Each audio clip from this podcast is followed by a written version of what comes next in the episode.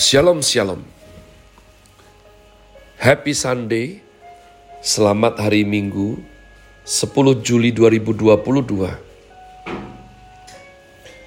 Saya pendeta Caleb Hofer Bintoro dalam anugerahnya. Penuh sukacita sampaikan pesan Tuhan melalui Grace Words yakni suatu program renungan harian yang disusun dengan disiplin. Kami doakan dengan setia supaya makin dalam kita beroleh pengertian mengenai iman pengharapan, dan kasih yang terkandung dalam Kristus Yesus. Sungguh besar kerinduan saya bagi saudara sekalian, agar supaya kasih dan kuasa firman Tuhan setiap hari tidak pernah berhenti menjamah hati, menggarap pola pikir dan paling terutama hidup kita boleh sungguh berubah menuju Christ likeness. Berada dalam season autumn dengan tema bulan ini boldness for the King. Grace Word hari ini saya berikan judul Yeskiel Fatsal 28. Yeskiel Fatsal 28 karena demikianlah komitmen membaca kitab suci hingga habis sesuai agenda sudah sampai Fatsal 28 kitab Yeskiel. Adapun program ini juga di broadcast melalui channel GBI Rock Fluid dengan tajuk Podcast with Jesus. Nubuatan melawan Raja Tirus. Maka datanglah firman Tuhan kepadaku. Hai anak manusia, katakanlah kepada Raja Tirus, beginilah firman Tuhan Allah. Karena engkau menjadi tinggi hati dan berkata, aku adalah Allah. Aku duduk di tahta Allah, di tengah-tengah lautan. Padahal engkau adalah manusia, bukanlah Allah walau hatimu menempatkan diri sama dengan Allah. Memang hikmatmu melebihi hikmat Daniel, tiada rahasia yang terlindung bagimu. Dengan hikmatmu dan pengertianmu, engkau memperoleh kekayaan, emas dan perak kau kumpulkan dalam perbendaharaanmu. Karena engkau sangat pandai berdagang, engkau memperbanyak kekayaanmu, dan karena itu engkau jadi sombong. Oleh sebab itu beginilah firman Tuhan Allah.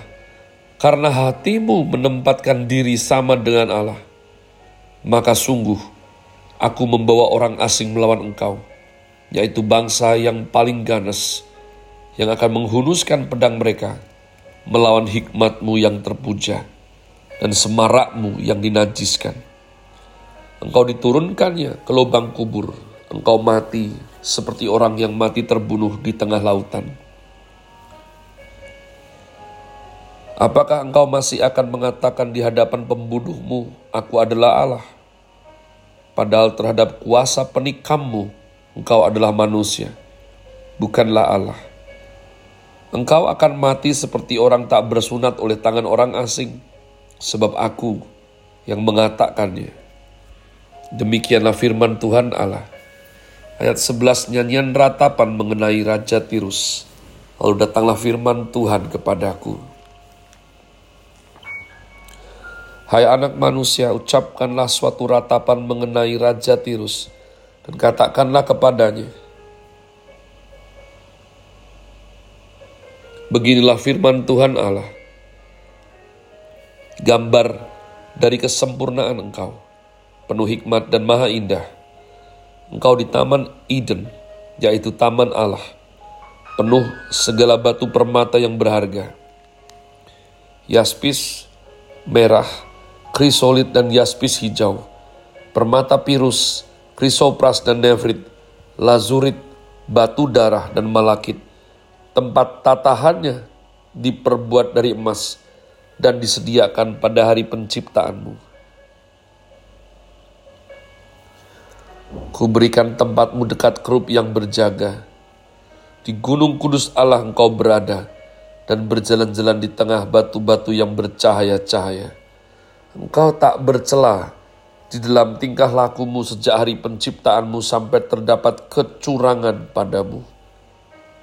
Dengan dagangmu yang besar, engkau penuh dengan kekerasan dan engkau berbuat dosa.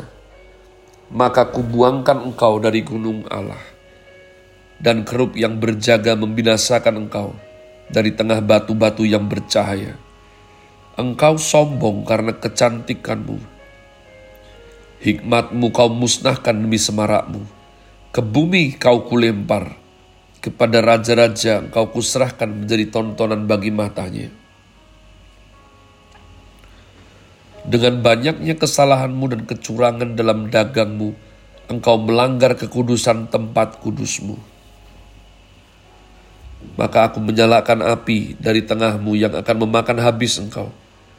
Dan kubiarkan engkau menjadi abu di atas bumi, di hadapan semua yang melihatmu. Semua di antara bangsa-bangsa yang mengenal engkau kaget melihat keadaanmu. Akhir hidupmu mendahsyatkan dan lenyap selamanya engkau. Ayat 20 nubuatan melawan Sidon Lalu datanglah firman Tuhan kepadaku, hai anak manusia, tunjukkanlah mukamu kepada Sidon dan bernubuatlah melawan dia. Dan katakanlah beginilah firman Tuhan Allah.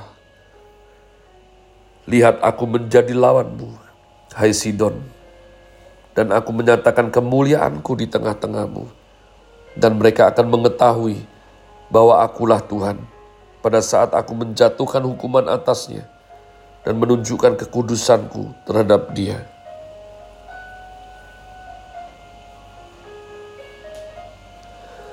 Aku akan mendatangkan sampar atasnya, dan darah akan mengalir di jalan-jalannya.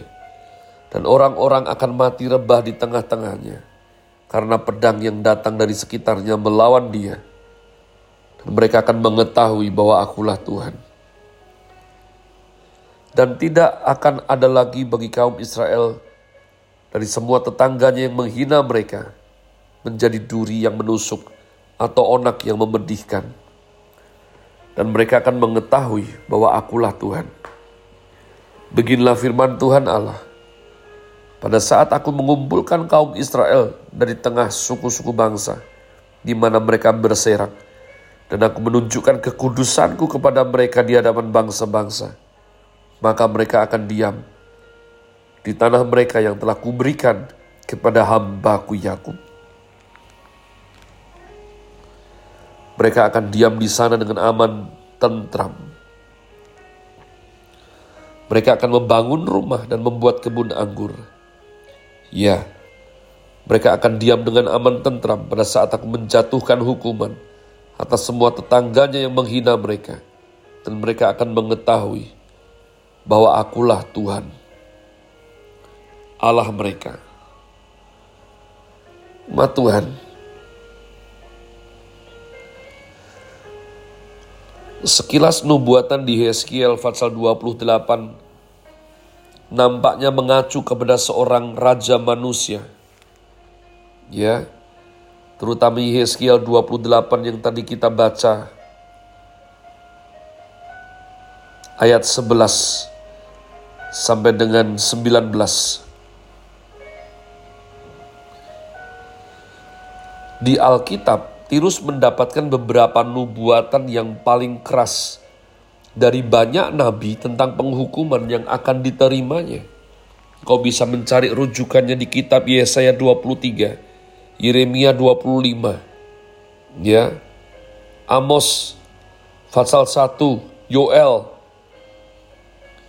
Tirus dikenal karena kekayaan, mereka mengumpulkan kekayaan dengan cara mengeksploitasi kota-kota di sekelilingnya. Penulis-penulis di zaman kuno menyatakan kota Tirus sebagai kota yang dipenuhi dengan saudagar-saudagar yang jahat. Tirus merupakan pusat penyembahan berhala dan percabulan.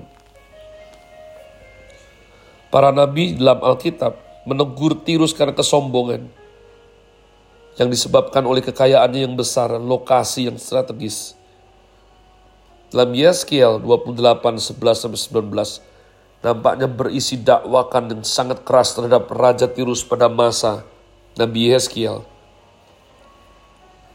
Menegur sang raja untuk kesombongan dan keserakahan yang tidak bisa terpuaskan. Akan tetapi, beberapa deskripsi Yeskiel 28 melampaui ciri-ciri raja manusia mana pun tidak masuk akal rasanya bagi raja yang ada di dunia untuk dinyatakan bahwa dia pernah berada di Taman Eden. atau tempatnya dekat para kerup yang berjaga, atau pernah berada di gunung kudus Allah. Oleh karena itu, kebanyakan penafsir Alkitab meyakini bahwa dalam Yehezkiel 28, 11, 19 terkandung nubuatan ganda, yakni membandingkan kesombongan Raja Tirus dengan cara bagaimana Lucifer atau setan itu jatuh. Beberapa berpendapat bahwa Raja Tirus itu dirasuki setan, tapi yang mana pun membuat hubungan antara kedua pribadi ini menjadi lebih kuat dan lebih masuk akal sebelum kejatuhannya, Lucifer yang bergemerlapan, setan artinya the cursed one yang terkutuk. Maka awalnya adalah makhluk yang indah. Anda bisa baca tadi hampir seluruh batu mulia itu ada di tubuhnya. Bisa jadi dia adalah yang terindah dan terkuat di antara penghulu malaikat lain. Frase kerup yang berjaga bisa jadi menyatakan bahwa setan pernah menjadi malaikat yang menjaga hadirat Allah. Dan memang saya pernah diajar sekilas bagaimana Gabriel itu seperti menteri perhubungan atau menteri luar negeri. Ya, Mikael itu Menhankam, pertahanan dan keamanan. Dan Lucifer ini yang mengolah semua pujian penyembahan yang naik ke hadirat Tuhan. Semua yang naik ke tahta Allah. Dan dia menginginannya, menginginkannya umat Tuhan. Kesombonganlah yang menyebabkan kejatuhannya. Bukannya mempermuliakan Allah, karena telah menciptakan dia dengan begitu indah. Setan menyombongkan dirinya berpikir bahwa dia memang layak, memang pantas. Maka Tuhan membuang dia. Saya berdoa bahwa kalau orang serakah dan sombong itu disetarakan dengan setan itu sendiri. Alangkah harusnya kita takut dan gentar. Jangan sampai ada sombong, ada serakah dalam hidup kita. Have a nice day. Happy Sunday. Tuhan Yesus memberkati saudara sekalian. Sola. Grazie.